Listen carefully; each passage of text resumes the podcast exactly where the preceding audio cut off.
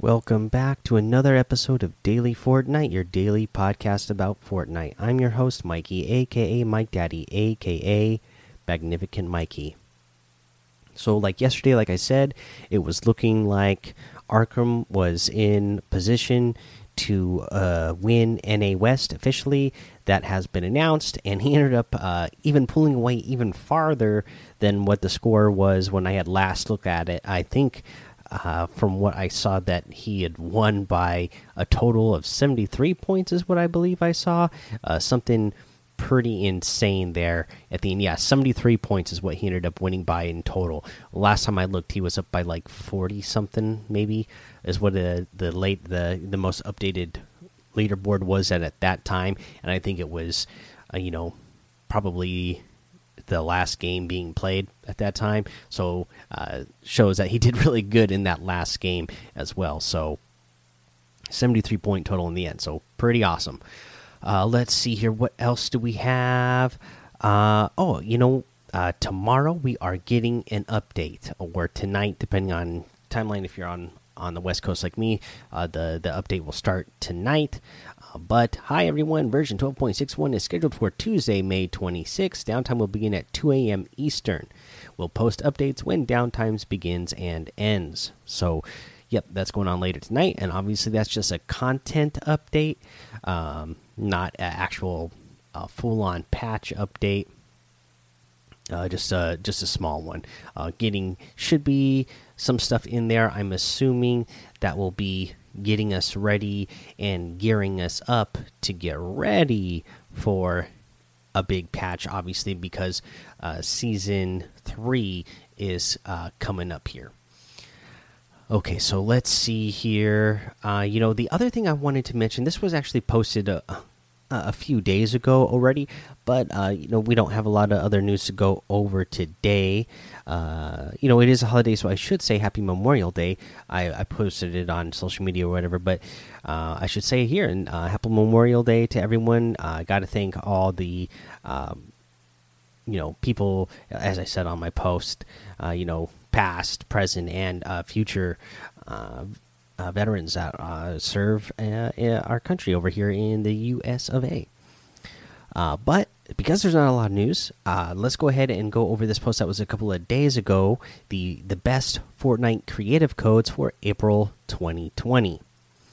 Uh, so this is what we have.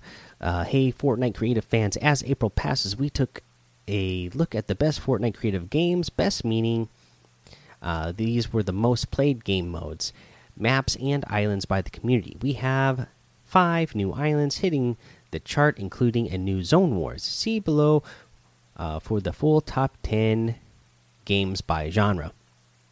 So we'll just go uh, by uh, the the the islands here. We'll just go straight down. I'm not going to read the codes here. There's a blog post that they put up uh, that you can go get the codes. So we have uh, for box fight and competitive practice. Box PvP by RJW. 1v1s is BHE 1v1 build fights by BHE. We have Zone Wars Tilted Zone Wars XA by Pretty Boy.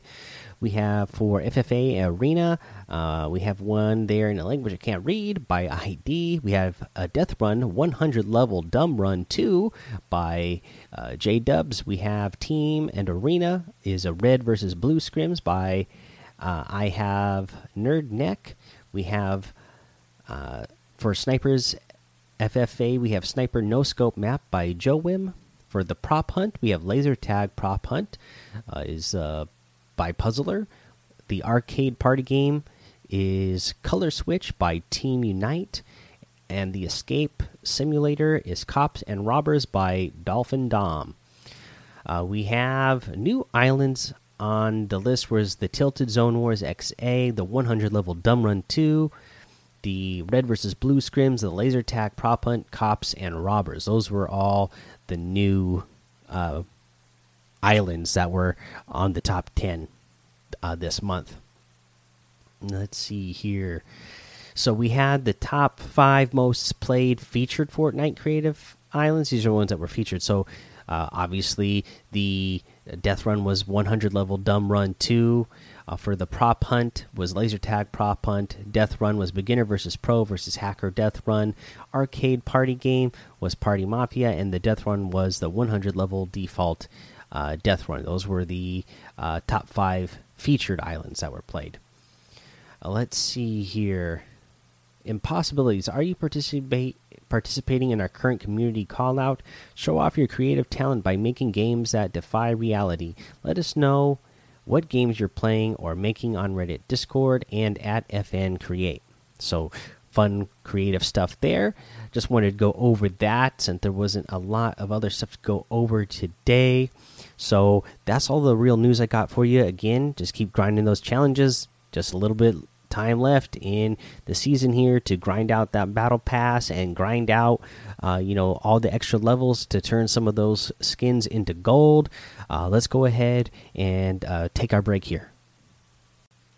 All right let's go ahead and take a look at the item shop today. Today we have the deadeye outfit with the second sight backbling for 2000 v bucks the spectral scythe harvesting tool for 800 and the Dead Wave wrap for 500. Uh, let's say we got the Beef Boss outfit with the deep fried back bling in here for 1,500, the Patty Whacker harvesting tool for 500, and the Flying Saucer glider for 1,200. We have the Envoy outfit in here for 800 V bucks, a great one. We got a a new harvesting tool, the Volta Batons harvesting tool dangerously unstable yet pleasantly shiny. These are really cool. I like the uh, you know the electricity that sparks across them there, uh, and you know it, it does go really well with this envoy outfit uh, with the color scheme that it is there. Also, the back channel back bling uh, for 200 V bucks. We have the birdie outfit for 800. The uh, Splatter Spectrum Wrap for 500, the Windmill Floss emote for 500, the Revel emote for 200, the Callisto outfit with the Hexed Back Bling for 1200, the Driver Harvesting Tool for 500. You can get any and all of these items using code MikeDaddy M M M I K E D A D D Y in the item shop, and some of the proceeds will go to help support the show. All right, so now for our tip of the day, we know that we're going to be getting trios cash cups uh, during season three, and we're going to get some trios in the uh, season four for the actual FNCS. So that's a team of three. You you you you got to start using or start thinking about your loadouts based on the fact that you have three people. You can get away with carrying uh, a separate loadout that you would in solos or duos. Now that you're in trios, you might have someone who is uh, more, you know, especially with the bandage bazooka. Uh, as long as we're, I guess at this point we still have the bandage bazooka in the game. I don't know what's going to happen in season three, season four. I who knows what's going to happen.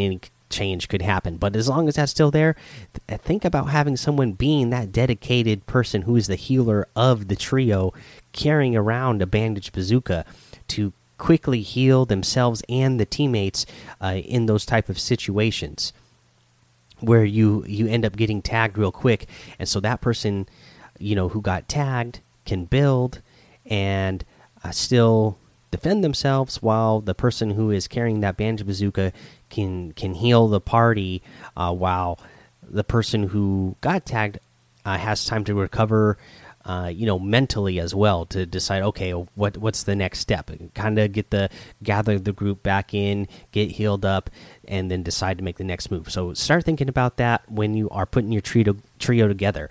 It's not just about having the three best players uh, you know it's about uh, you know having a, cohesive uh, mindset and good teamwork on getting the goal of of winning the match. You know, it, you can put three really good players, mechanically good players together, but if you don't have uh, that teamwork, the mindset of you know now that this is actually a bigger group, a, a team game, and players, uh, you know, being in a certain role, then you know that that that is going to put you at disadvantage if you don't start thinking that way with your trio. Uh, you know, especially uh, you know somebody's somebody's weakness might be somebody else's strength, and having those players play together uh, might bring the the the the play up overall uh, versus just having three really good players who are good at the same thing, all really good at you know maybe they're all really good uh, editors. Uh, you know, you got to have somebody in your team who can, you know, who can aim and and actually hit the shots. Somebody who's actually good at building up quickly, uh, and again, is somebody who is you know willing. It's a skill. Uh, you know, it's it's there. It's so rare to find players who actually want to be the ones who are you know willing to sit back, take a little bit less of the the glory and uh, you know be the ones who are there for support for the team. You know that's that's an important role. So uh, don't don't don't skip out on it. All right, guys, that's the episode for today. Go join the daily Fortnite Discord and hang out with us. Follow me over on Twitch, Twitter, and YouTube. It's Mike Daddy on all of those. Head over to Apple Podcasts, leave a five star rating and a written review for a shout out on the show. Make sure you subscribe so you don't miss an episode. And until next time, have fun, be safe, and don't get lost in the storm.